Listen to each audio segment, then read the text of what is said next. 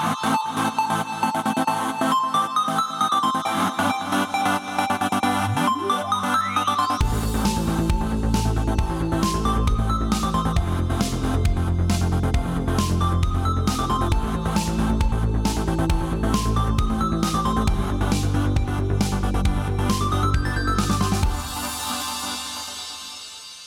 Med det sagt så välkomnar jag alla lyssnare till ytterligare ett avsnitt av Nördliv. Det är avsnitt 310. Eh, dagens datum är den 12 juni. Och jag heter Karl och så har jag med mig Max och Jesper. Välkomna! Tackar, tackar. Hej! Just det. Eh, dagens datum, man, kan ju tänka sig dagarna eller veckan till ära att det ska vara massa E3. Icke. Det kommer nästa vecka. Så kom, nästa vecka kommer att vara fullsmockat med alla mm -hmm. nyheter som har med E3 att göra. Så vi, eh, vi håller oss till, det blir ett väldigt nyhetsfritt. Det har ju kommit massa saker redan när vi spelar in det här på lördag. Eh, men vi, vi, låter det vara. Så får eh, de som kör nästa eh, avsnitt nästa vecka få mumsa på allting det som har eh, annonserats ut på E3 eh, hittills.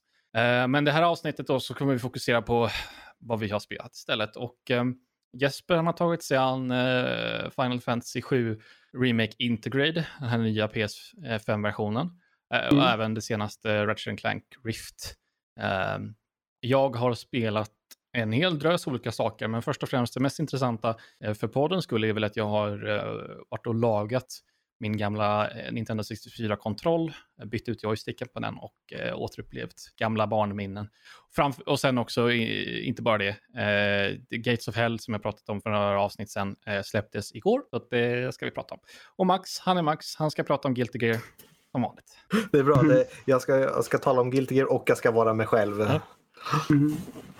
Så frågan är väl, den stora frågan är väl vart, eh, vilken ände vi ska börja i och allt det här. Jag, jag är nyfiken på Ratchet Clank. Det, det är, på tal om barndomsminnen, det spelar jag mycket. De första typ tre spelen spelade jag väldigt mycket. Och även mm. det här PSP-spelet har jag också någonstans liggandes i källaren.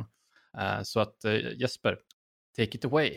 Nu har jag då bara spelat typ en och en halv timme av spelet. Eh, mm. Det släpptes ju igår. Eh, men mina första intryck är verkligen så här, wow, kan spel göra det här nu? Eh, för du har ju liksom, det handlar ju om Ratchet Clank, de är, den här duon som sätter på Dr. Nefarious som har en, en slags pistol som heter Dimensionator som skapar så här portaler mellan världar. Och massa det börjar med att Ratchet Clank ska typ fira att de har varit hjältar ett bra tag och typ så är det någon ceremoni och så kommer han där och skapar portaler mellan världar och det blir helt, eh, helt bonkers och galet och otroligt. Av, av det gameplay jag har sett så, så måste man ju poängtera det att det ser ju så sjukt snyggt ut. Mm -hmm. Verkligen, mm -hmm. alltså det är typ pix, alltså Pixar-level eller nivå på kvaliteten känns det som i grafiken.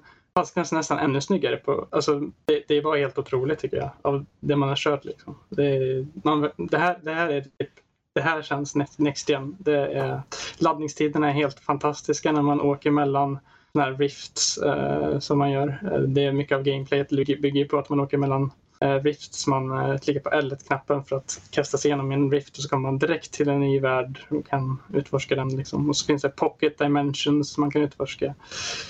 Har du spelat så... de tidigare Ratchet Clank-spelen någonting? Har inget, jag har typ inte gjort det. Uh, det är lite svårt för dig att fråga om du kan knyta an till de gamla och sånt där. Men alltså, de, de, det, ja. de har ju alltid varit väldigt så här, vad ska man säga, eh, nu har jag svårt att hitta rätt ord, men, men eh, självmedvetna är nog rätt ord jag mm. letar efter mm. det kommer till humorn. Det, eh, nu det håller mitt kök på att rasera för att det börjar regna ute. Jag tror det stormar en hel del. Så. Ja, eh, vi får se eh, hur det blir med det. Jag kanske kan lämna över ordet så kan eh, Max ta tag i det här så kommer jag strax tillbaka. Jag kommer ihåg, det var bara spännande här att mitt kök håller på att raseras för att det börjar regna ut. Jag vet inte om man har ett utomhuskök eller inte. Ja, men det, det, det kommer vi få behöva höra om senare. Det blir nästa avsnitt hur han har lagat sin kontroller och hur han har lagat sitt kök. Det, ja. det blir spännande. Eh, men uh, jag vet, det jag har kört av Ratchet Clank, jag har sett mycket av det. Jag har inte spelat mycket heller av det. Men det, mm. man har väl hört tillräckligt mycket av det. Det är kul också att de äntligen får fira sin parad. Att, ja, åh, vad bra, vi är, uh, vi, vi är hjältar. Och sen så mm. direkt in till nya grejer igen. Så Uh, det är väl... en annan grej med den nya Ratchet Clank. Det är ju en, det är inte bara Ratchet som är en sån här Lombax uh, karaktär som man styr över, de här furry mm karaktärer, man ska säga, rävarna. Utan det är ju nu en ny som heter Rivet som man får kontroll, kontroll över också. Okay. En lila Lombax som Ratchet, eller Clank menar jag. Clank, den här lilla roboten, mm. försvinner ju från Ratchet ganska tidigt i spelet. När ah, han åker in i en dimension där så försvinner han från honom. Och så hamnar han hos den andra Lombaxen, Rivet. Uh, och så får de uh, typ skapa en relation med varandra. Uh, mm. En kvinnlig lomback med den här Clank. Så det kan bli ganska intressant tror jag hur de bygger vidare på den här och sen hur de möts upp sen framöver. För just nu har jag, bara, nu har jag precis kört en sektion med Ratchet och sen precis börjat en sektion med Rivet också. så ja, det verkar lovande det här Ratchet Clank Rift Apart. Ja, får se vart det, det verkar som sagt vara snyggt. Coolt nu att det mm. funkar mm. på hårdvaran och så. Eh, det känns verkligen som att det är utvecklat för det också. Att liksom de, ja. det, det liksom, det, ibland så kan man tycka att spel sätter in saker bara för att uh, promota hårdvaran. Men det här känns som en bra gameplay-grej och det tar hjälp av just den här specifika hårdvaran. Att det går hand i hand så bra. Att, uh... det, ja. Uh, jag vet inte om du har varit hemma hos Fredrik eller någonting och testat den här Astros Playroom som kommer med PS5. Jag har varit med uh, när andra, jag har inte spelat det själv, men jag har varit med i rummet när andra har spelat det. Så jag har sett en hel del av det och vet vad det är för någonting. Så att... Jag får väldigt mycket samma känsla som jag får i det här spelet av eh, just eh, Ratchet Clank Rift Apart. Fast det är lite mer av ett eget spel då. Uh, för på vissa sätt känns det inte som att det här är verkligen, det är lite av en tech-demo ändå. Fast mm. det har ju en riktig berättelse liksom så. Men det, det är ju verkligen, det här är ett PS5-spel. Det, är, mm. det är inget annat. Den har, kontrollen har ju effekter och sånt. Du kan klicka in eh, den här triggerknappen olika hårt eh, för att göra olika fire rates på ditt vapen. Och okay. eh, massa sådana här coola grejer så, som bara är eh, liksom PS5 exklusivt eh, mm. till kontrollen. Du känner liksom eh, fotstegen när du går i kontrollen. Och det, ja. Ja, men det, det tar, verkligen... använder all hårdvara den kan. Det är många spel här nu som ska släppas eh, sådär dual releases på både PS4 och PS5. Vi har bland annat då mm. eh, Horizon Forbidden West, eh, Horizon Zero Dawns uppföljare och eh, God of War Ragnarök, eh, God of Wars uppföljare. Och eh, de ska ju båda släppas på um, PS4, vilket jag tycker är lite synd för då kan vi inte ta vara till, på den här Ja, den featuren om man säger som PS5 ja. ger. Nej, som, inte som Ratchet i alla fall med de här laddningstiderna och sånt. För att det här man går mellan dimensioner och sånt, det hade inte fungerat på en eh, PS4 alls. Det hade ju varit extremt hackigt och PS4 hade typ dött tror jag. Mm. Ärligt talat, fläkten hade nog gått ut sönder. Typ. inte illa ment, men PS4 fläkt är ju fruktansvärd. Mm, det stämmer. Ja. Ja, har vi ett räddat kök nu? Ja, jag kan säga det att det vräkte ner regn i, i, rakt in i köket. Jag hade mitt köksfönster öppet för att inte dö av värme. Eh, men eh, crisis averted. Det, det var så det var. Vi funderar på det. Har han köket utomhus? Eh, men... Ja, nej, men eh, ett eh, badlakan fick eh, sätta livet till så var det lugnt sen. Så ja, det, är, ja. det är ingen fara. Ingen Allt för podden. Särskilt ja. inte min hyresvärd att det är någon fuktskada någonstans. Det är lugnt. Mm. Så nu måste jag mm. ta ett djupt andetag så kan vi gå vidare. Känner du dig nöjd Jesper? Med... Jag kan ju nämna det här en liten ja. snabbt också, som jag har förstått det, med, eftersom att du har kört med tre första Ratchet Clank-spelen. Mm. Uh, det kommer ju ett även till PS4, en movie, eller, en adaption av en film, den här filmen. Okay. Uh, eh, fast den ska inte vara canon till den här Ratchet Clank, det här ska utspela sig typ efter det sista på PS3 tror jag. Så det är typ en uppföljare på det så djupet att det är så här olika timelines och story, non-canon ja. och non-canon. Jag trodde poängen med Ratchet Clank att det inte skulle vara så jävla gravallvarligt, men vad vet jag? jo, men det är väl bara för att den här filmen, eh, det var en film som var mm. typ en, tekniskt sett en reboot av serien. Som de, alltså det manuset i det, jag och några andra vänner har, är inte så jätteförtjust i det manuset. Det är typ den där Ratchet Clank har kört innan, men jag märker ju att de har tagit lite mindre så här, att det ska vara så här edgy eh, edgy manus här utan det här känns mera liksom ja, vad jag förstått Ratchet Clank som innan det. Så att, eh, om man ja, är rädd alltså för det, det bara titta så... På, titta på så här, titlarna på de, de äldre spelen. Så här, Going Commando, haha, förstår du? Mm -hmm. Up your mm -hmm. arsenal. Mm -hmm. Eh, ja. Quest for Booty. Aha, massa roligt. Så, och sen så, PSP-spelet hette ju Size Matters också. Vilket Size eh, Matters.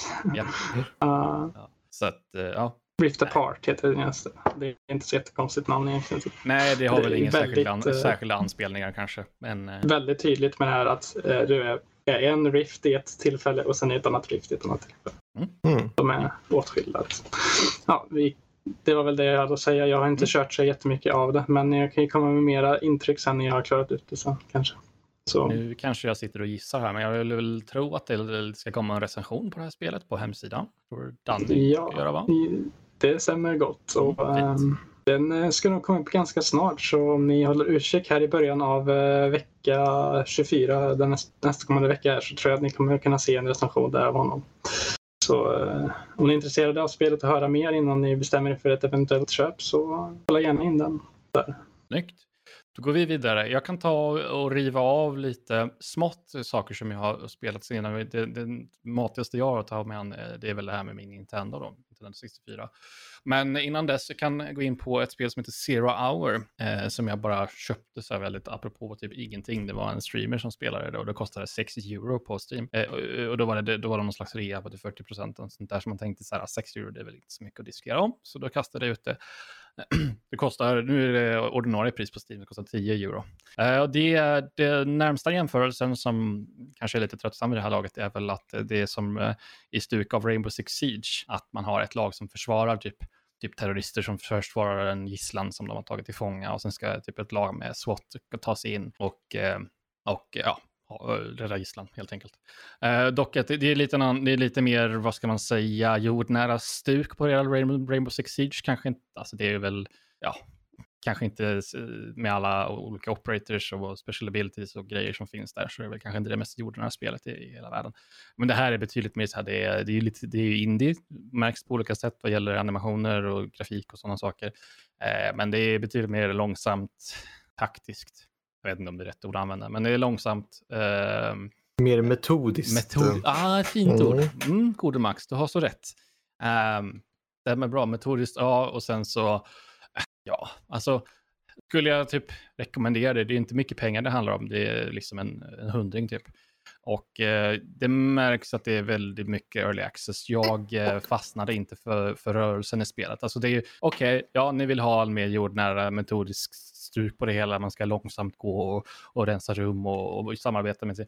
Men det kändes för långsamt. Om man säger så. Mhm. Det var alldeles för sig. Mm. Okej, okay, jag fattar det. Jag är, jag, är, jag är ingen jävla special, jag är ingen soggare, liksom specialstyrke-nisse. Men även om du har liksom några kilo rustning på dig eller utrustning på dig och så vidare, kan du gå mer än två kilometer i timmen. Jag lovar, det, det, är fullt möjligt. Men det är här liksom du har vapnet pekat framåt, så det, det går väldigt, väldigt långsamt. Att, det fastnade jag inte riktigt för. Och du har typ så här, eh, jag vet inte, kondisen av en någon som har rökt i 20 år känns det som. För man kan springa, man kan springa typ fem meter och sen bara... så ens gubbe blir ens gubbe trött. Och man bara, jag, förstår jag förstår varför ni kom, vill komma åt här, men ja, fundera på att tweaka om det här lite grann. Men mm. annars så, det har lite så coola idéer så innan en runda börjar om du är anfallande då om man ser en så här 3D-representation av hela kartan så kan man gå igenom så här, eh, vad heter det, våning för våning och så här rita anfallsplaner och grejer. Inte mm. för att folk på nätet använder det till något vettigt. Ni kan använda fantasin själva och veta och ja, tänka vad folk förstår det kommer någonstans. ritar för någonstans. Um, och sen så har de så här coola grejer med att så här, de som attackerar kan gå och bryta strömmen så att det blir mörkt och så kan de ta på sig eh, så här, eh, vad heter det, ljus, så här, night vision och allt vad det nu var. Det är lite så här coola idéer, men eh, det har långt kvar. Så jag, eh, det blir ingen rekommendation från min sida på något sätt, utan men goda tankar, får se vart det tar vägen. Early access, mm. det, jag är besviken över att du tänkte att du har köpt Zero Hour. Bara, Åh, gud vad fränt! Gamla strategispel. Command Conquer Generals Zero Hour. Men det var nej, det var ju inte det. Så nej, ja. nej, nej, nej, nej, nej, nej. Eh, frågan är, ska jag gaffla vidare eller ska vi ta... Nej, Max, du kan få prata. Du kan få, du kan få hoppa in och prata om ditt käraste Guilty Gear Strive. Ja, vill, du, vill du verkligen ta det här tidsblocket? Nu ja. ska jag bara mm. stretcha på mig lite nu så att vi är redo här. Okej, okay. Guilty Gear Strive. Så säger de när man startar menyn i alla fall. Guilty Gear Strive. Så man vet att det är en cool upplevelse bara där. Nu får du säga, påminn mig, visst pratade vi om betan för ett tag sedan när alla vi tre var på samma avsnitt för ett, ett tag sedan? Det är mycket möjligt mm. faktiskt. Det var, jag har varit med i två betor nu eh, på spelet. Så jag har haft lite eh, headstart och liksom känna på det och sådär. Men det, nu har det släppts och det är till stor succé. Eh, i vilken ända ska vi börja med? Vi kan börja med grafiken på spelet. Det är helt fenomenal som bara den studion, Arc System Works, kan göra egentligen. Deras handanimerade 3D cell-shaded karaktärer. Att det, det är nästan mer, mer än animationer så är det nästan någon stop motion av 3D-modeller. De har verkligen -hmm. perfektat det för de gjorde ju sin eh, de eh, visade stilen först i förra Guilty Gear, Guilty Gear Xrd Sign som kom ut för jag vet inte vad det var, typ tio år sedan eller något sånt där.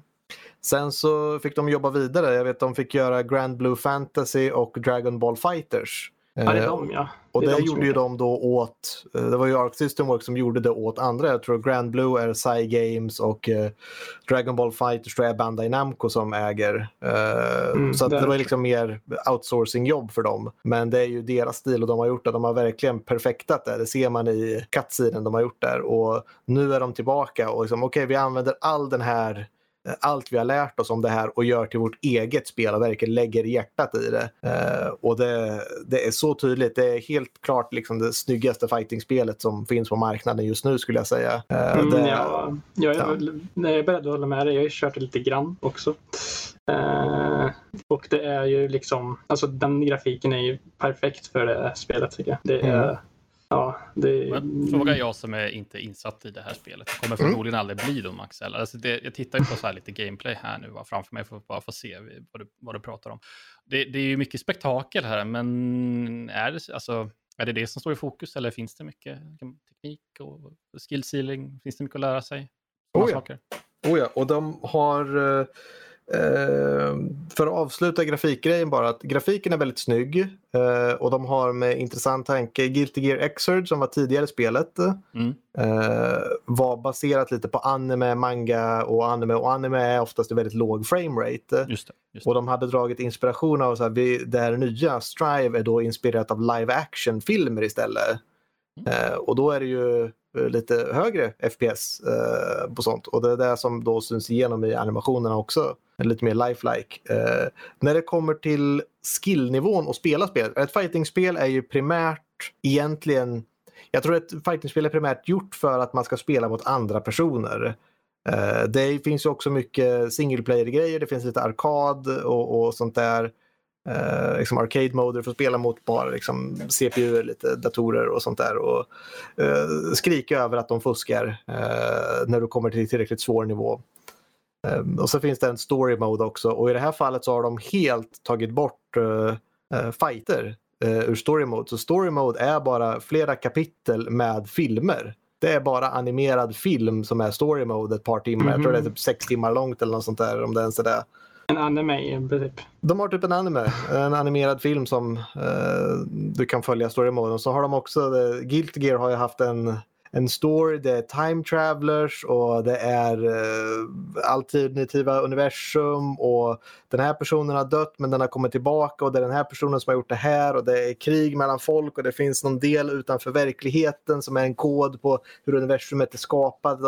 Jag har ingen aning om hur det där fungerar men det finns en, liksom en liten eh, eh, The Guilty Gear World man kan gå in på och se okej, okay, vad är den här koppling, liksom, personen kopplad till? Lite som en whiteboard-tavla till hur alla grejer hänger ihop. Att liksom, okay, den här personen är samma person som den här personen som är forskaren som kom på oh. Gears, som egentligen är den här personen som är prototype Gearen, som egentligen är tillsammans med den här personen som blev förrådd av den här personen så att du har en sån ja. enorm karta att kunna gå igenom. Så, vänta nu, vänta nu, hur, hur hänger det här ihop? Men, det påminner mig om eh, Kingdom Hearts. Ja, det är, det är också en galen story på hur saker hänger ihop. Alla är ju Xehanort, den här fienden. Alla är ju det. Och, eh, jag talar lite om det också. Det, har ju, det släpptes i sista episoden i, en, i den eh, eh, det mobilspelet som är canon till den storyn. Och det slutet är bara weird som in i... Uh, jag spelade första ja. Kingdom Hearts. Jag släppte det spelet där och tänkte ja, det här var bra. Jag är nöjd. det är ja. kanske då det, det är mest då det är simpelt. Men vi kan gå tillbaka till Strive. Tillbaka till Strive och skillnivån. Uh, du har som sagt, det är egentligen gjort för att spela mot andra folk och det här spelet gör ju nog det bättre än alla tidigare Guilty Gear-spel. Uh, bland det bästa tror jag också i uh, i 2D fighting-spel, vilket är För man kan ju dela upp det lite 2D-spel och 3D-spel där du har eh, egentligen ett tre tror jag det finns. Det finns 2D-spel som allting utspelar sig på en 2D-plan. Du liksom, det är höger och vänster i karaktären. Du kan hoppa, du kan ducka men du kan oftast inte sidesteppa om man säger. Utan då har du mer spel som typ Tekken, Soul Calibur. Då kommer du upp i 3D-spel där du kan liksom sidesteppa din motståndare. Eller så mm. kan du gå upp till hela till uh, arena fighters. Det är lite mm. som Naruto, Shippuden-spelen och uh, sånt där där du verkligen där du springer runt eh, på en öppen arena istället. Det finns ju en fjärde eh. också egentligen. Eh, Platform Fighters, Smash och sånt. Ja, det är nog också lite av en sån. Det, det är lite 2D men det är mer liksom side-scroller nästan i det. Hur mycket du liksom ja. springer runt på en större arena än på en väldigt begränsad bur. Eh, på det här, som sagt, en 2D-fighter som det här Strive är, så gör den nog ett av de bättre jobben. Det är väldigt lätt att komma in till. Jag har aldrig sett så många nya spelare hoppa in och känna sig att de är duktiga och kan liksom göra någonting. Eh, mm. Eh, och Eh, hur självklart alla veteraner som spelade betan hatar ju det här spelet för att det finns inget avancerat att göra till det. Ja, de har fördummat det, det är så simplifierat och så. Eh, och sen så ser man hur alla de veteranerna bara, vänta, kan man göra så här? Och vänta, hur gjorde han det där? Och man, de upptäcker det här djupet liksom dag för dag och det är varje gång så det, alla är jätteexalterade just nu när spelet har släppts. När man verkligen gräver, liksom, de slåss mot motståndare och man säger bara, vad kan man göra det här? Och man, liksom, man ser vissa, liksom, bara, oh, den här spelaren som spelar den här karaktären, hans, eh, liksom, den här karaktären är nästan unik på sättet han spelar den eh, och liksom, ja. vad de kan göra. Och det, det har just till, det är väldigt ett basic, det är väldigt lätt, vad heter det, easy to learn, hard to master. Uh, är väl så. Ja. Du har ett väldigt liksom 1, 2, 3 kombosystem som kan göra bra skada och du gör väldigt hög skada. Rond ronderna går förbi väldigt snabbt. Uh, och sen mm. så kan du gå vidare på det med mm, liksom ett Roman cancelling system. Mm. Där du ja. förlänger kombos och sånt där på. Så att, uh... mm. Jag uppskattar, jag har förstått, det är att den har en sån här mission mode det här spelet. Som du kan liksom ja. lära dig så här avancerade te tekniker som typ genom att du gör eh, att spelet säger vad du ska göra så ska du göra det i rätt sekvens och sen när du gjort det så klarar du ut den här. Liksom. Precis. De har en väldigt, väldigt simpel tutorial. De har medvetet sagt det i sin utveckling att eh, för de har varit väldigt bra på att kommunicera med spelare också. Efter, efter alla beter så har de uh, släppt en liten Eh, backyard commentary som de kallar det. Eh, och, och, bara liksom sagt att det här är vad vi kände, det här är varför vi har utvecklat det så här, det här är varför vi har gjort det här. Och där har de sagt att de gjorde första tutorialen när du startar spelet är så simpel. De säger typ att det här är knappar du attackerar med, du blockar genom att hålla bakåt, du vinner när motståndarens HP kommer till noll. That's mm. it. Det är allt de säger ungefär. Sen bara här, kör ett par runder och, och slåss bara. Eh, och sen är du klar. Och sen kommer du, kan du gå in, så säger de också, vill du gå vidare i mission mode och lära dig mer eller vill du hoppa direkt in i spelet? Och i mission mode då så får du välja oftast en, vissa är karaktärsspecifika men annars så har du liksom, du kan välja vilken karaktär du vill eh, och det applicerar så generella saker som att, eh, ja men hur, vad är en overhead? Ja men okej, det är en attack som om jag blockar lågt så kommer den träffa mig. Alltså, mm. ja, vad är en low? Ja, men det om jag står och blockar så kommer den slå mig på fötterna och då kommer jag bli träffad. Okej, okay, vad är en throw? Ja, men det, är liksom, ja, men du, du, det är någon som greppar dig. Så står du och blockar och någon greppar dig så, liksom, så, så tar du skala. Och så, ja, men vad är en vad är liksom en uh, throw tech? Okej, okay, ja, men det, om du trycker på, trycker på greppknappen inom tre frames, när de har tryckt på sin greppknapp så kontrar du deras grepp och då blir det lite med en clash istället. Så bara okay. så om du ah. förutser att okej, okay, nu kommer han och hoppar in mot mig och jag står och blockar. Då kommer han förmodligen göra en overhead attack. För är man i luften så räknas det som en overhead attack. Så då ska jag stå upp och blocka. Men det motståndaren kan göra då med riktiga mind gamesen det är ju verkligen att du gör ingen attack i luften utan du landar. Och då är man plötsligt där, okej, okay, vad kommer han göra nu? Kommer han ta och greppa mig eller kommer han slå mig lågt? För att, att hoppa in och låtsas göra en attack och sen så landa på marken och slå honom på fötterna istället. Det är, det är sånt där som verkligen... Mm. Och det är, liksom, det är på svårighetsgrad 1. Och sen så går det där upp mer och mer och mer liksom vad du använder för system och eh, att alla karaktärer har en simpel anti-air. Att ja, men, det här är universalt med alla karaktärer. Trycker du framåt och fyrkant som är punch i det här fallet då har alla en attack som gör att din karaktär är upper body invincibility. Så gör att eh, du kan inte bli träffad på övre halvan av din karaktär och du kan då slå ut nästan alla attacker som kommer från luften om du förutser att de kommer göra det. Mm. Um. Det ska bli intressant att se, för det spelet kommer ju vara på Evo i år. Mm. Uh, Evo online är det en av spelen. Så vad spelare hinner liksom till den, vad de hinner lära sig till dess, om det blir liksom riktiga text och coola saker.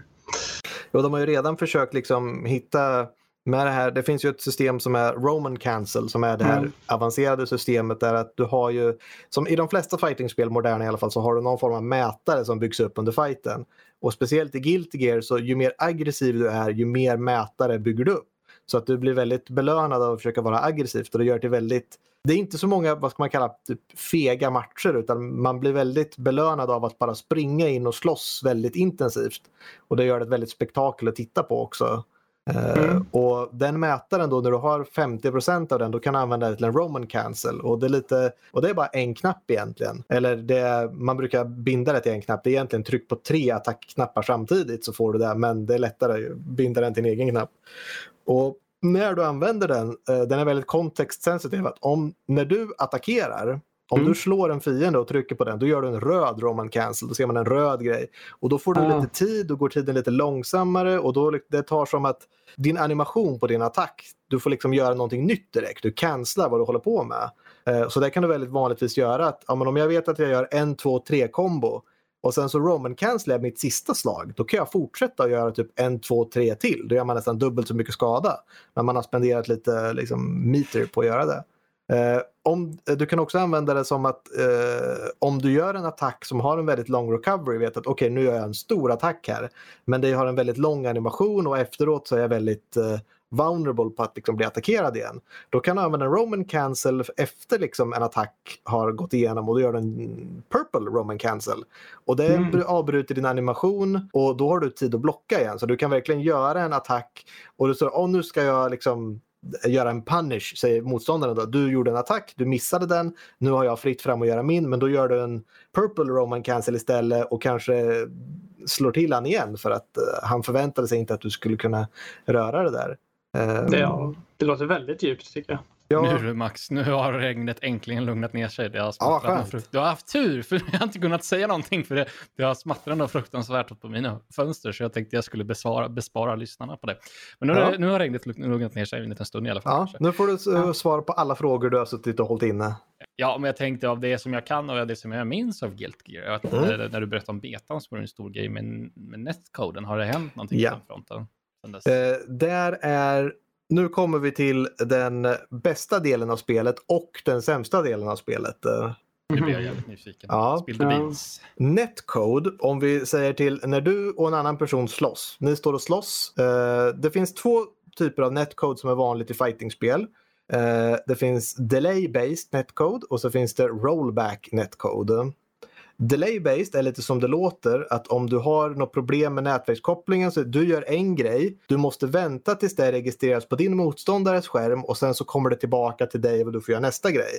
Och det brukar ha en ganska lång delay. Att du behöver liksom, du trycker på en attack och det tar ett tag innan den attacken kommer fram.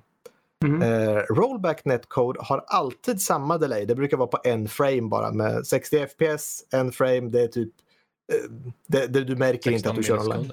Ja, precis. Det är ingenting man reagerar liksom direkt på när man spelar. Eh, och eh, då, då skickas dina grejer iväg och eh, spelet förväntar sig att om du håller inne framåt-knappen och går framåt så förväntar sig spelet att du fortsätter att gå framåt. Eh, så den skickar det till din motståndare.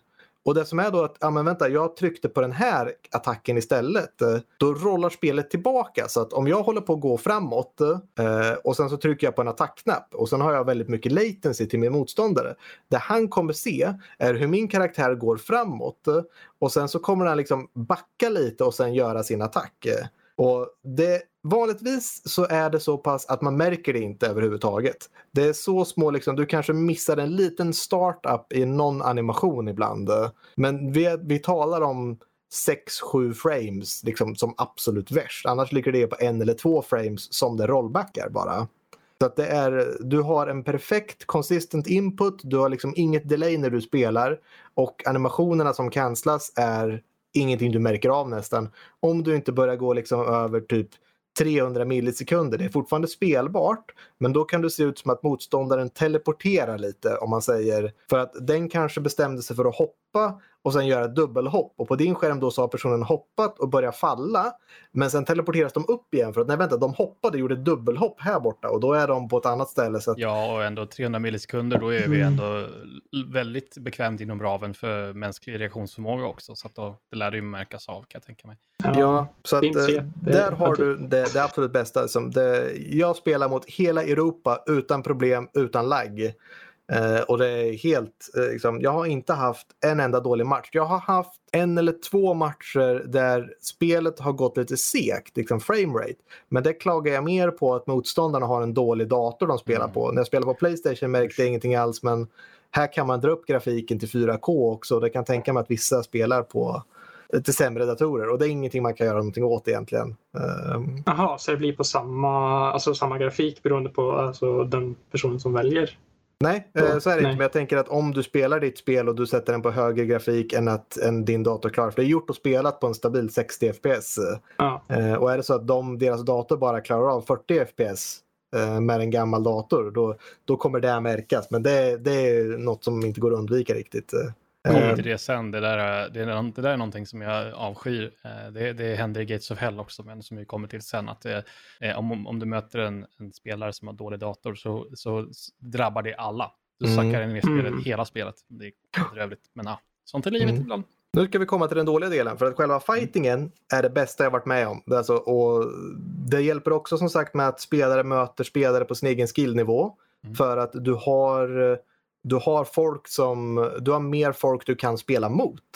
För att annars, jag var ju begränsad till att slåss typ inom Sverige, inom Skandinavien. För vi har mm. bra internet här.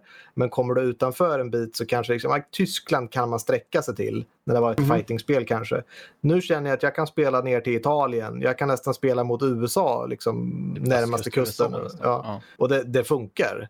Uh, det, är inte, det är inte bra, men det funkar. Och liksom, jag känner att ja, jag kan stå ut ett par matcher med det här. Uh, och Det är bra, som sagt. Lika skillnivå, roligt spel. Rankingsystemet uh, är ju liksom ett floor-baserat, att du har 10 floors, nivåer. Och du kan gå upp till vilken floor du vill, men du kan inte gå under den flooren du är på. Som just nu till exempel, jag är på floor 7 och jag kan inte gå ner och slåss mot folk som är på floor 6. Men alla från floor 6 och under kan gå upp och slåss mot mig om ja. de vill. Mm, det. Eh, och det gör att det på floor 7, jag känner verkligen hur det är lika. Jag känner att det här är folk på min nivå. Och hur ibland jag känner att ah, men nu går det bra för mig och jag går upp till nivå 8 och har varit uppe där och känner att jag kan vinna, jag vinner en av tre matcher.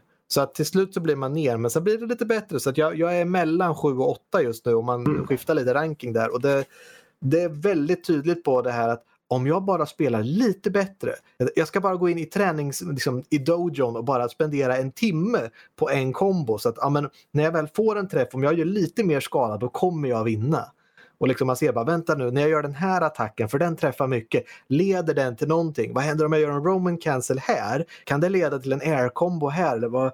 Hmm. Om man sitter liksom och verkligen vill bara, jag behöver bara lite till för att vinna och komma upp till nästa nivå. Och det är det som driver en. Det är kul att få höra um, någonting positivt mm. av rankingsystemet, för det brukar vara precis motsatt kritik. Bara, alla jag möter, de är så jävla bra, det är fusk, mm. det är mm. orättvist, typ sådär hela tiden. Men... Ja, här är, jag tycker att det är, jag har ju spelat både på Playstation och på PC. Mm. Det verkar som att PC spelare är, nu, PC Master Race, PC-spelarna är lite bättre.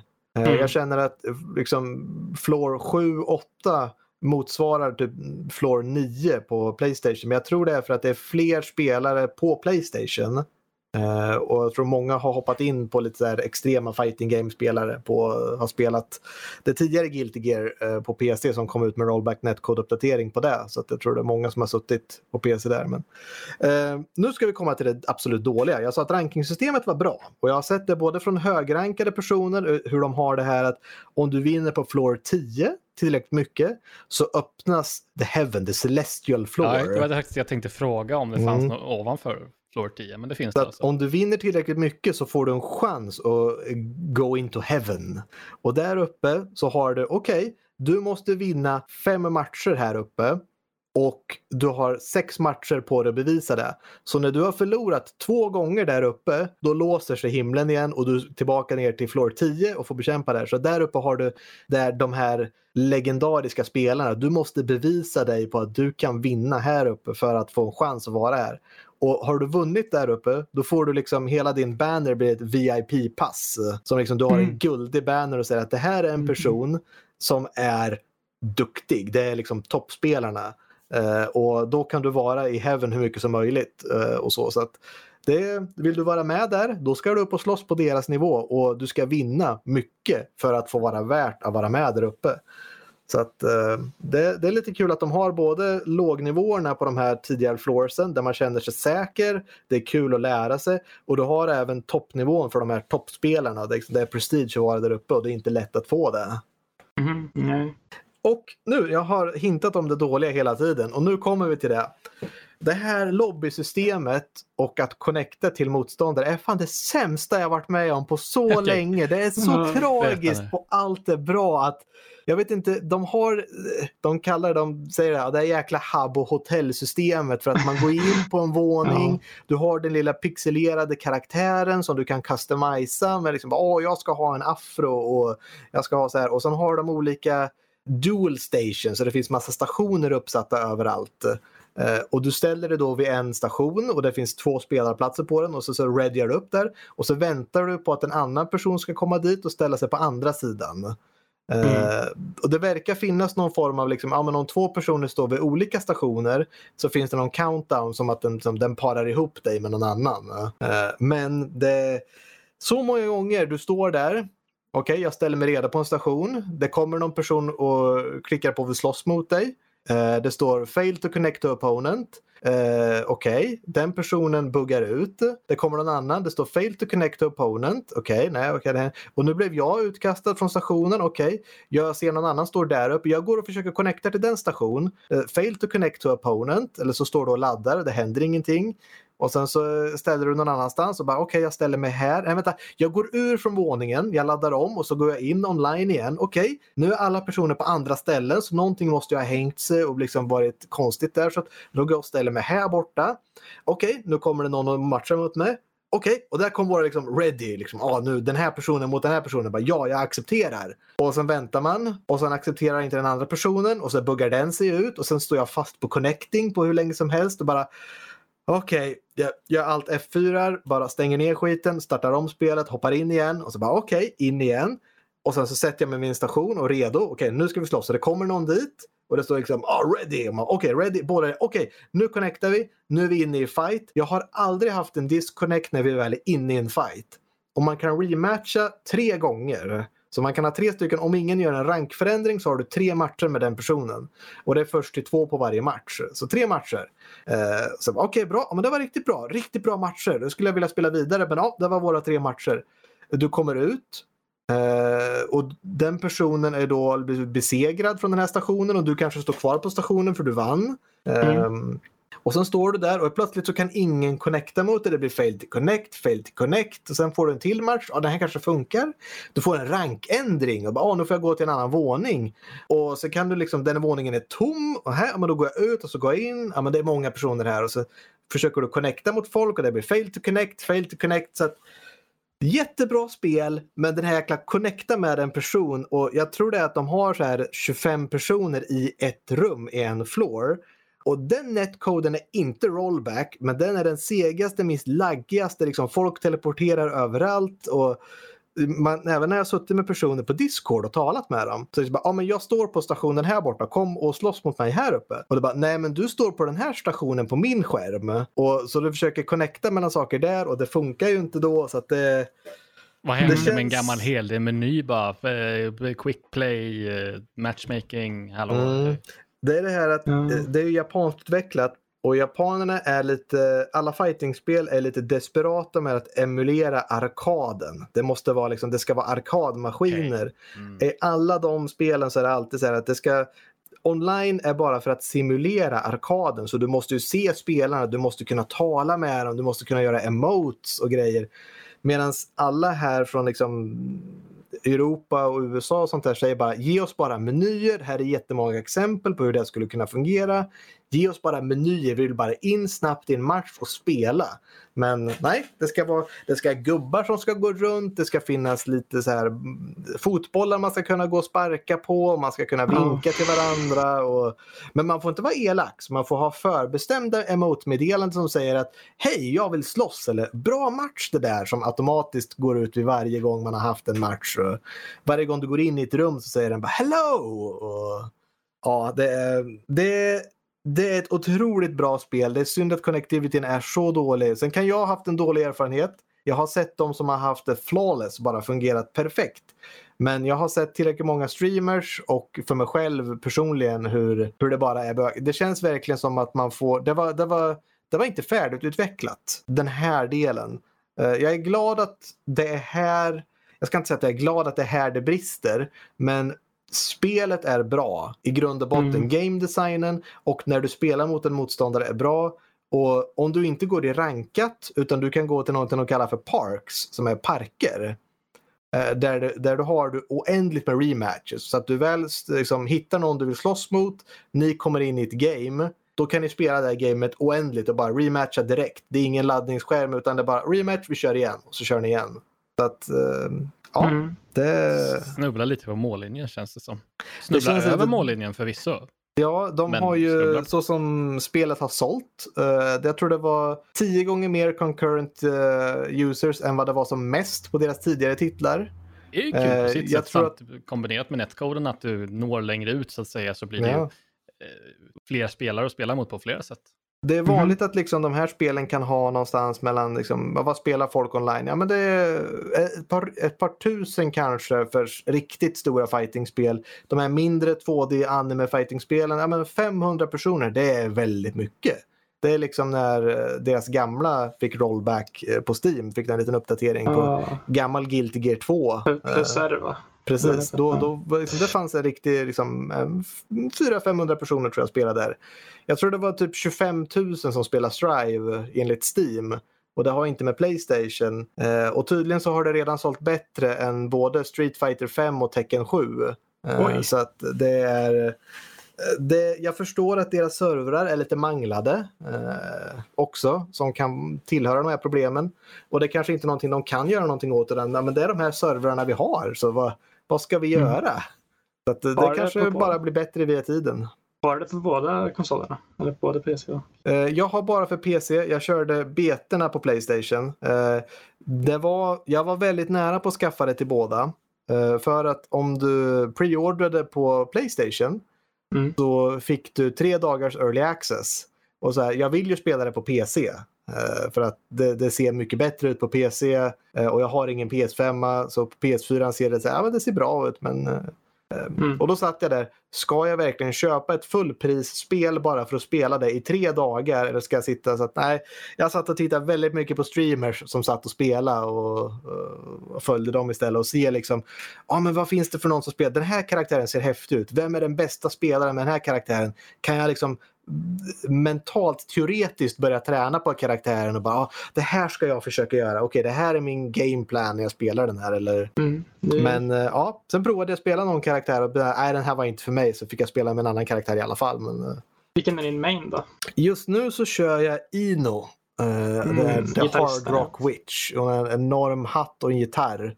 Uh, väldigt liten, uh, liten av de svårare karaktärerna att spela, inte för straightforward. Hon har Eh, hon har väldigt bra mix-up game som vi kallar det. Den är väldigt bra på att blanda höga, låga attacker. Mm. Vanligtvis så dashar folk fram genom att springa fram. Hennes dash är att hon flyter lite liksom över marken så att hon går liksom lite airborne.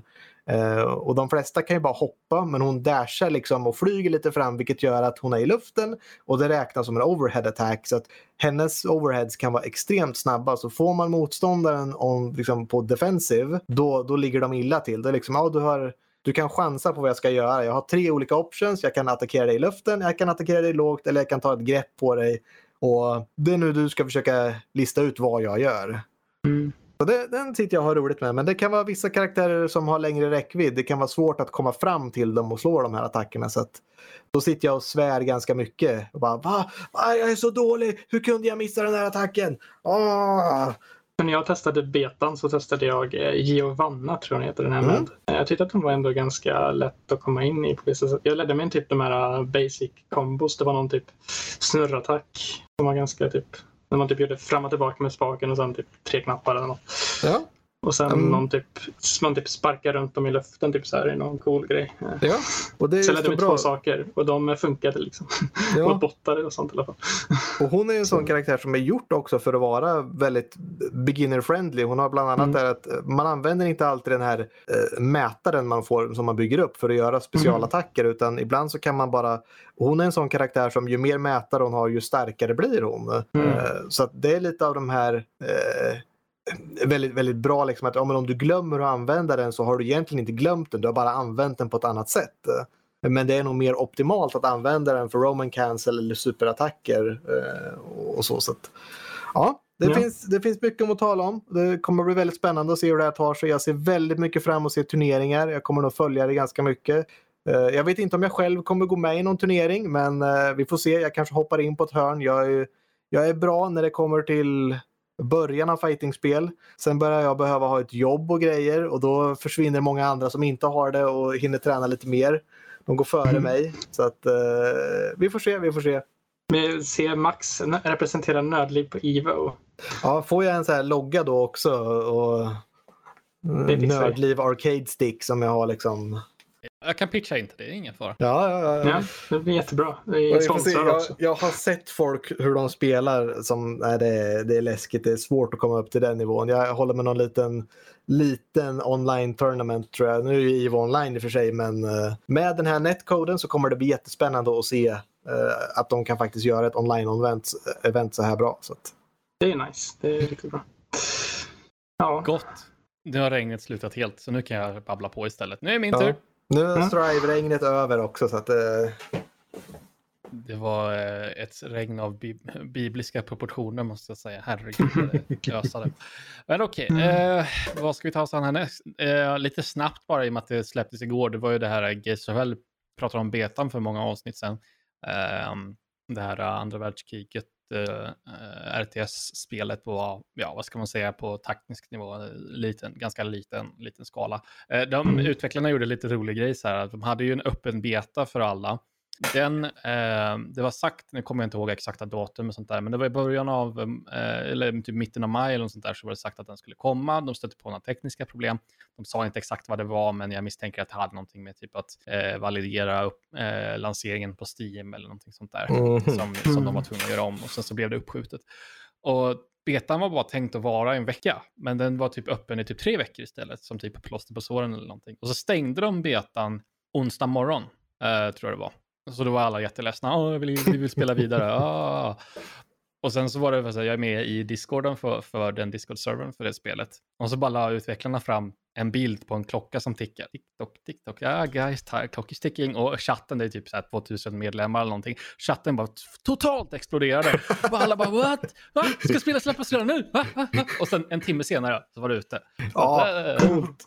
Lyckat, äh, lyckat PR-jippo får man väl lugnt säga. Ja. Äh, men jag, jag, tror att jag får göra återbesök på det här sen när, när, när det kommer. För att betan var ju begränsad. Det fanns ju bara typ en, eh, två stycken singleplayer-uppdrag som man fick smaka på.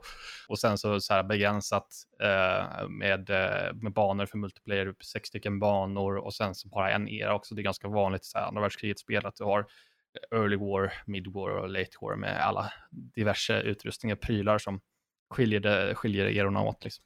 Det hände ju lite teknologiska framsteg under kriget. Ändå. kan man ju lugnt säga, eh, med vad man mm. började och, och slutade på, på många mm. punkter. Um, och så nu har de ju släppt så att det finns ju, det är ju till en början, det är mid-war, så det är typ 42 och sen så är det late war typ 44-ish, någonting någonstans där liksom. Uh, och allt vad det nu innebär. Uh, men uh, första intrycken är, är ju riktigt goda, alltså det, det är ju en spirituell uppföljare till de här Manowar Assault Squad-spelen och de hade ju, de är ju det senaste spelet i den serien, typ så här sju år gammalt, det började verkligen, särskilt motorn började verkligen visa sin ålder, det var ganska riktigt jävla janky. Så få liksom eh, en modern uppdatering av samma spel, eller samma spelkoncept, det är inte, det är inte en rak uppföljare på det viset, äh, är jävligt kul. Äh, och det, det, det, är ett av de få spelen, eller inte få ska jag väl säga, men som jag verkligen vill grotta ner mig i serien och vara med från början och vara så här riktigt bra. Och eh, i betan så jag och min kompis Daniel, som lyssnar på podden, hej Daniel, Eh, eh, som vi spelade mycket multiplayer tillsammans. Jag tror, om jag minns rätt, så vann vi varenda match vi spelade i betan. Jag tror inte vi blev slagna en enda gång. Nu när spelet har släppt i fullo, eh, vi har fortfarande inte förlorat en enda match. Um, vi har spelat typ tre, tror jag, uh, hann vi klämma in igår efter release. Men jävlar vad vi fick ta i och kämpa. Desto mer, jag vet inte fan var, alla spelare kom ifrån. Jag vet inte om folk gick gav upp på betan, de som var bra, men jävlar vad vi fick kämpa för att vinna eh, nu eh, igår, de tre matcherna vi körde. Helvete, var, alltså det, jag, jag tror jag, jag beskrev ju någon tidigare, eh, när jag spelade första hundra timmarna i Tarkov, tror jag beskrev det som så här riktigt påfrestande och stressigt, inte nödvändigtvis på ett negativt sätt, men, men, eh, men så intensivt kanske är rätt ord. Och jävlar vad det här var intensivt. Det var som att man fick så luta sig tillbaka efter, efter varje match och bara ta ett djupt andetag. Man ser hur eh, ansiktet går närmare och närmare skärmen ju mer man spelar och sen får man ja, backa. Ungefär så, för det är liksom det, det, ja, det händer så mycket på samma gång som man, man inte är helt van vid. Liksom man, vi hade ju lärt oss exakt vad, vad, vad som fanns för, för uh, för fordon och infanteri och allt vad det var i det gamla spelet. Vi visste exakt vad som fanns. Men nu har vi inte riktigt samma koll på, för det är ju så här, det, det, det skiljer sig på så sätt som om man typ, tänker på typ Company of Heroes eller andra strategispel för den delen man ska bygga mm. Byggnader och samla resurser och sånt där. Jag har ingenting sånt. Alla har exakt lika mycket poäng, men däremot så är, är saker begränsade med timers, så under matchens gång så låser du upp tyngre och tyngre och dyrare och dyrare grejer. Men alla har exakt lika mycket resurser, så det har ju, det, det, vilket gör att det fokuserar sig bara, det har ju bara med ren liksom, taktisk skicklighet att göra. Eh, mm. Och, ingenting annat. Det spelar ingen roll hur, hur duktig du är på att bygga baser och, och sånt i Company of Heroes. Det har ingenting med, med, med saken att göra egentligen. Mm, ja, men det är lite, det, det kan, jag, jag, uppskattar ett spel där du bygger baser men eh, det, jag förstår ju att det ger dig ett...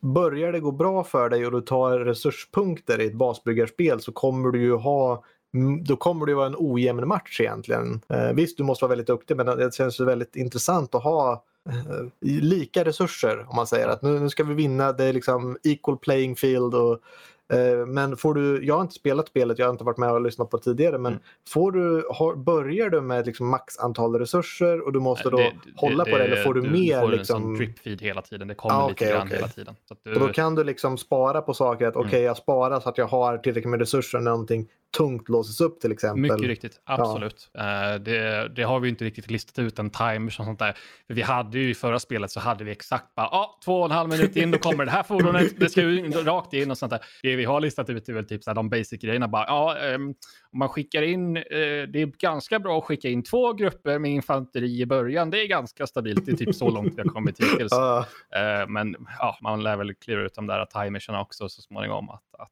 ah, vi är fyra minuter in i matchen, då låses den här upp och den är skitbra, mm. så den måste, den måste ta in. Typ, men så börjar du förutse att ja, men vi vet att den här är skitbra, så vi skickar in kontringen till den här exakt vid den timestampen, för vi tror att fienden kommer skicka en sån här. Det var ju lite den, mycket väl den nivån vi var på i, i förra spelet, absolut. Eh, och veta liksom så här, typ, ja, ah, de ryssarna får in en, eh, en lätt lastbil med, en massa kulsprutor på i början och den är farlig som fan så du måste ha en konter redo och bla bla bla mm. om man inte tar hand alltså sådär. Så.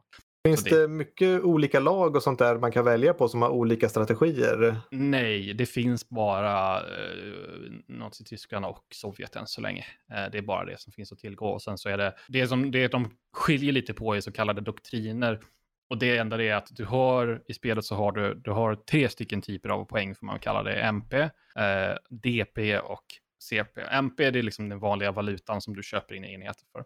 Mm. DP är dina doktrinpoäng. Så du har, eh, de olika lagen har tre till fyra olika doktriner som du kan välja, så du får så specialenheter speciellt för den doktrinen som du betalar med DP. Och sen har du CP, vilket är eh, mängden gubbar du får in på kartan. Det är så här, mm. ja, din population helt enkelt. Uh, och den, uh, det som är intressant är att den ökar också lite med tidens gång. Så du får, kan ha, ju längre match pågår, desto mer saker kan du få in.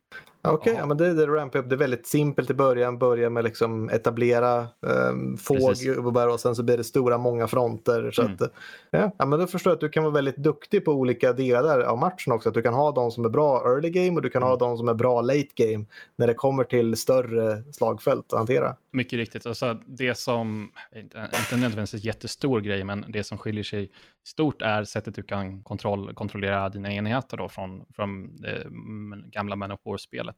Du kan ju direkt kontrollstyra gubbar och sådär som du har en, en infanterigubbe så kommer där med ett gevär. Då kan du klicka E och så får du direkt styra honom så tredje person så här, peka exakt vad han ska skjuta. Det gäller likadant med fordon och alla sådana där saker. Vilket, var, vilket gjorde det här spelet ganska unikt. För att var du jävligt vass på att, att uh, styra gubbarna själv så kunde du göra väldigt mycket skada med en enda enhet. Liksom så här, dundra in med typ ett lätt fordon och bara uh, rensa totalt. Eller typ ta en, det som är en poppig strategi, ta en enda eldkastargubbe och springa in och bara blåsa eld överallt och sen dör typ allting. Man, oh, jävla drygt. Um, men det de har lagt till är att man kan styra gubbarna, eller, eller alla rättelse, man kan styra fordonen i första person. Gubbarna är fortfarande tredje person. Så att du kan gå in och, och titta igenom en kikare i en stridsvagn och se exakt vad, vad den har för vy, vilket eh, ger spelet, i mitt tycke, lite extra djup. För det innebär att du kan gå in och se exakt vad den har för synvinkel. För att i förra spelet kan det vara så här, vad fan, ser har inte du eh, någon, någon synvinkel på den där enheten där borta? Bara så, så, så man är inne och så går man under. Aha, det var en liten kulle i vägen. Ah, okej, okay, då fattar jag mm. ser. Men går man in i, jag har ansträngt mig för att använda första person ganska mycket. Då kan man se, jaha, det, men det är väl inte så uppenbart, du står ju i en svacka, så du, det kanske man inte ser ovanifrån. men när man går in i, i första persons läge, då är det hur uppenbart som helst att, ja, jo, det är såklart, det är en stor kulle i vägen. Det är klart att du inte ser över, höjdskillnaderna kan ju vara ganska svåra att se ovanifrån. Mm. Det tycker jag är svincoolt. Eh, och det har fångat ganska coola stunder. Det är ingenting jag, spelat, äh, ingenting jag spelat in tyvärr. Det hade varit coolt att dela med sig av annan, men jag minns en match som vi, vi, var ett stort öppet fält, eh, typ ett lervällingsfält får man väl nästan säga, för det är ju trots allt i Ryssland på hösten det mm -hmm. utspelar sig. Så att, eh, och sen så är det typ en liten, liten samling hus i mitten av det här fältet som, man, som är en punkt som man ska hålla och försvara för att vinna. Och då kommer det dundrandes på fältet, så kommer det eh, två stycken ryska stridsvagnar och de är så här, de, de man ska bara blåsa förbi allting. Men jag står ju redan med min egna stridsvagn. Byter jag till första personsläge, jag står lite vid sidan om bakom eh, den här mittpunkten. Så att han, fiendestridsvagnen kommer och dundrar förbi mig på min vänstersida. Men jag är redan i första personsläge och, och liksom följer med han och sätter ett skott i sidan på hans stridsvagn. Och alla stridsvagnsnördar där ute vet ju att sidopansret är oftast tunnare. Så jag sätter ett skott i sidan precis mellan, eh, runt hans larvband och hela stridsvagnen bara pff, blåser upp en, en enda stor explosion. Och det leder ganska fint in på grafiken i det här spelet, för den är mhm. ju ah, magnifik. Alltså effekterna, grafiken, explosionerna, allt möjligt. De har lagt till en sån där, det, det, var lite chockande första gången för de har lagt till en sån här att kameran skakar när man är nära en explosion, alltså fysiskt nära med kameran mm. explosion, då skakar hela kameran hur galet som helst. man, så här, det, det var typ eh, igår när vi spelade så drog de fienden in en, en tung, tung artilleripjäs. Och så då tittade jag lite för nära marken när eh, eh en granat kom och, och small och hela skärmen bara skakade till något fruktansvärt. Jag såg absolut ingenting. det är väl lite mm. roligt.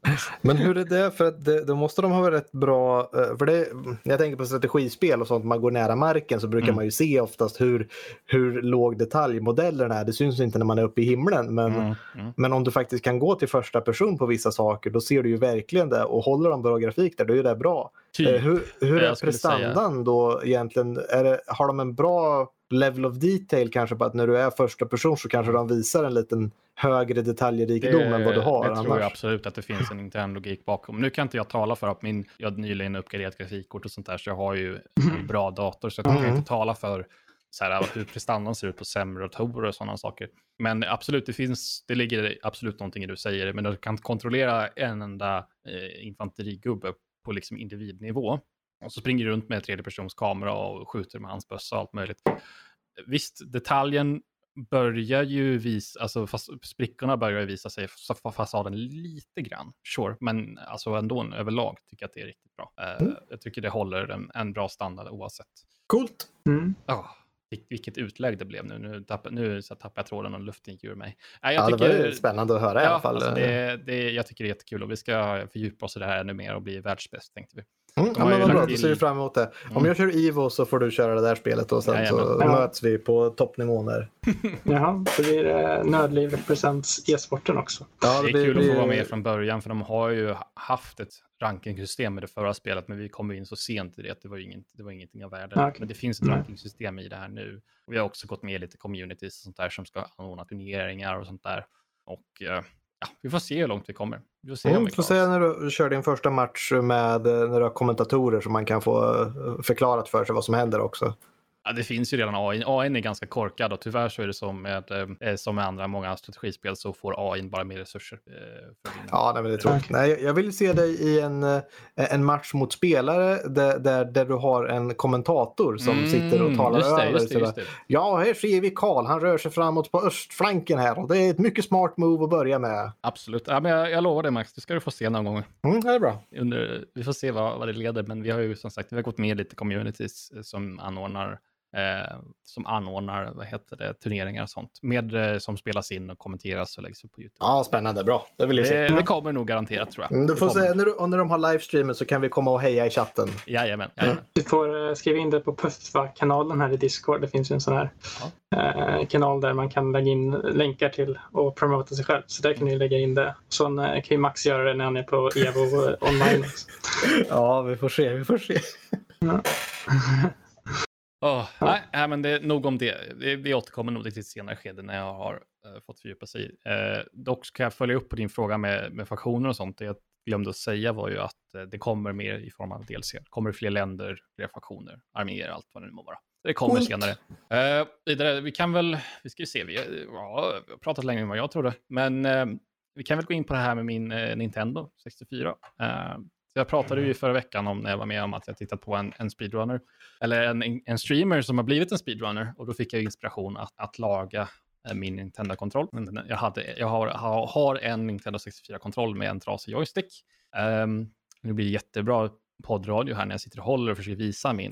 Ni som är Patreons, ni får ju se min fina blåa eh, och Arena-inspirerade Nintendo 64-kontroll. Ni andra som sitter och lyssnar, ni får bara föreställa det. Eh, men eh, som många är bekanta med, eh, några för många matcher av Mario Party så går ju de där joysticksen, original joysticksen går ju sönder till slut, mångt och mycket.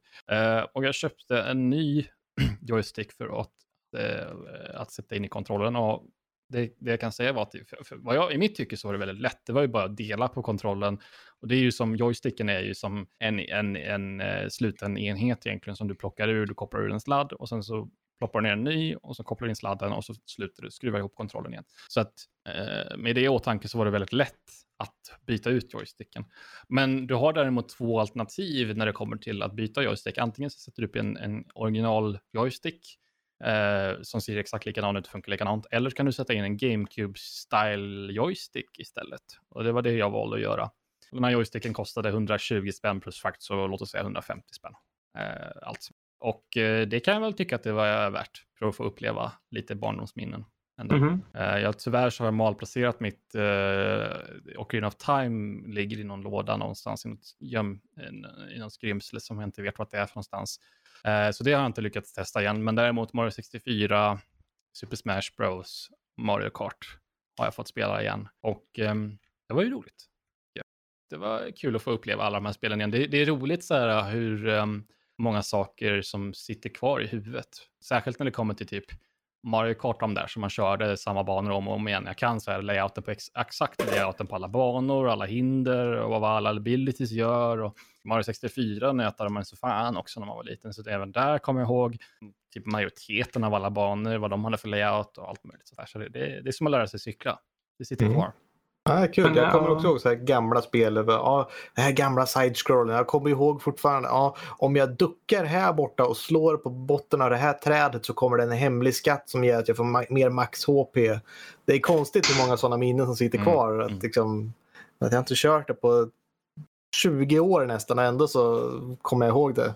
Och samma frustration också, speciellt i Mario Kart i standard. Man hamnar först och sen så typ ligger man först de första två av tre varven och sen så blir man, får man en jävla blue shell på sig och sen så hamnar man längst bak så hinner man inte komma fatt och så Nej. slutar det på femte plats. Typ. Bara, ja. Mm, ja. Det, är, det är klassiskt för mig i Mario Kart. Ehm, det defender hela tiden känns som. Men uh, jag tänker att typ, eftersom att du har kört de senare Smash till exempel där och mm, hur känns mm. det att gå tillbaka till ett sånt där, det första i serien? Uh, typ hade, när det begav sig så hade ju inte jag så många. Det var ju de jag räknade upp, Green of Time, Mario 64, Super Smash, Mario Kart. Det var typ de spelen jag hade när jag var liten. Så det var ju inte så, det var ju typ klassikerna eller vad man vill kalla dem. Men av de spelen så är det ju absolut Smash Bros som har åldrats sämst om man säger så. Väldigt eh, klankig. Jag har ju fått spela det senaste. Det är Ultimate som är det senaste. Ja. ja. Mm. Jag får spela det hemma hos dig Max. Så det är ju betydligt mer, eh, vad ska man säga, följsamt och, och lättåtkomligt. Medan man, det här, man kan hoppa i original... Kontrollerna är väl ganska lika fortfarande, men det är så, här, det är så jävla udda. För man kan, man kan hoppa i Smash Bros genom att klicka uppåt med joysticken. Men du kan också hoppa genom de här gula C-knapparna. Det är jättekon... Ja, så, så har du ju massa olika attacker genom att dra neråt och trycka B och, och ja. uppåt och B och mm. alla de här uppåtattacker och, och vad det nu var. Alltså för att vara ett fighting-spel så är det ju en ganska, ett ganska udda sätt att kontrollera. Om man säger så. Det är väldigt, eh, det, alltså det, jag skulle säga att vissa klagar på att Smash inte är ett fighting-spel. Mm. Jag som har spelat fighting-spel av alla genrer kan säga att det är definitivt ett fighting-spel men det är sin egen genre. Mm. Det är lite ja. udda, det är det. Men det har sina egna eh, just det här att liksom hoppa och flyta i luften. Det är väldigt mycket mm. hur du kontrollerar din ett air game. Men ja. Det är väldigt mycket mer air game i Smash än i andra fightingspel skulle jag säga. Ja, ja i och med att det, går, det hela går ut på att sparka ut någon ur banan så är det inte så Ja, precis. Du ska, ska liksom flyga ut. Och ja, du, ja. Just hur du... Det, ut någon. Ja, alla kombos också som är beroende på hur många procent din motståndare är. Att, ja, men, eh, har de liksom, när du träffar dem med en, eh, en, en och samma attack så flyger de olika långt. Just det, just det. det är ju jättedjup i att veta exakt Uh, olika vikt på karaktärer och hur många procent de är skadade. Så att, uh, ja, nu ska vi inte gå in för djupt på Smash, men det finns mycket där också. Ja. Nästan lite som Guilty Gear. Ja, det, det är en uh, annan där. annan, samma fightingspel, genre, men väldigt olika ändå. Men ja. djup i båda. Ja, ja. Det, var, det var typ allt, känner jag. Det vi kan avsluta ja. med är vår kära Discord-fråga i så fall, tänker jag. Just det, ja. kan jag ta upp den här. Som att, det var ju en fråga här om eh, man, man kan bara välja en och kan man, man kan välja mellan ultravåld med härligt, eh, med härligt rått slaps eller änglalikt pött, puttinettigt sött och snällt. Och eh, som vi märker här nu så har eh, 12 svarat ultravåld och 5 svarat änglalikt puttinettigt. Discord-medlemmar är våldsamma psykopater ja. i störst utsträckning. Då. Man får vara rädd, man får vara lite vaksam. Uppföljningsfråga eh, för um, veckan som kommer nu efter det här avsnittet är släppt. Det kan ju, vi kan göra det väldigt enkelt för oss. Kan vi bara, kan ju radda upp alla när E3 och, och det må vara är helt slut. Ja, vad tänkte du säga Jesper? Uh, jag skulle precis säga att uh, om du kollar omröstningar i Discord så tror jag redan finns en typ som uh, mm, vilken ser du mest fram emot?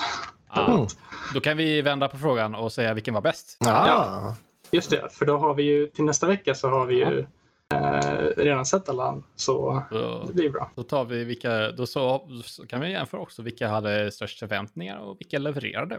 Mm. Mm. Ja, det blir Snyggt. Eh, nej, men då tar vi och slår knut på, på det här avsnittet tycker jag. Avsnitt nummer 310. Tackar Jesper och Max igen för att ni var med mig här idag. Eh, trots ösregn, monsunregn och allt vad det nu var och kaos i köket. Jag måste gå ut och kolla så att det inte ligger en vattenpöl fortfarande där, där ute. Um, men vill ni, räcker inte det här podden så vill ni ha mer av oss så är det bara att gå in på vår hemsida nördliv.se och läsa våra recensioner och artiklar, krönikor. Uh, och så följ oss på alla diverse sociala medier. Eh, som Fredrik sa förra veckan, så här, eh, mail känns ju lite för förlegat för det här laget. Mm. Det mhm. känns som att det är roligare att skriva till oss på sociala medier och det är väl fler folk som gör det, men vi finns. Info, info finns fortfarande om man känner att man vill eh, skicka ett gammalt hedligt elektroniskt mail. Men annars så mm. finns vi på Twitter, snabbla nordliv.se och Instagram, snabbla nordliv.se. Och Discord också, vi måste ju uh, trycka på det.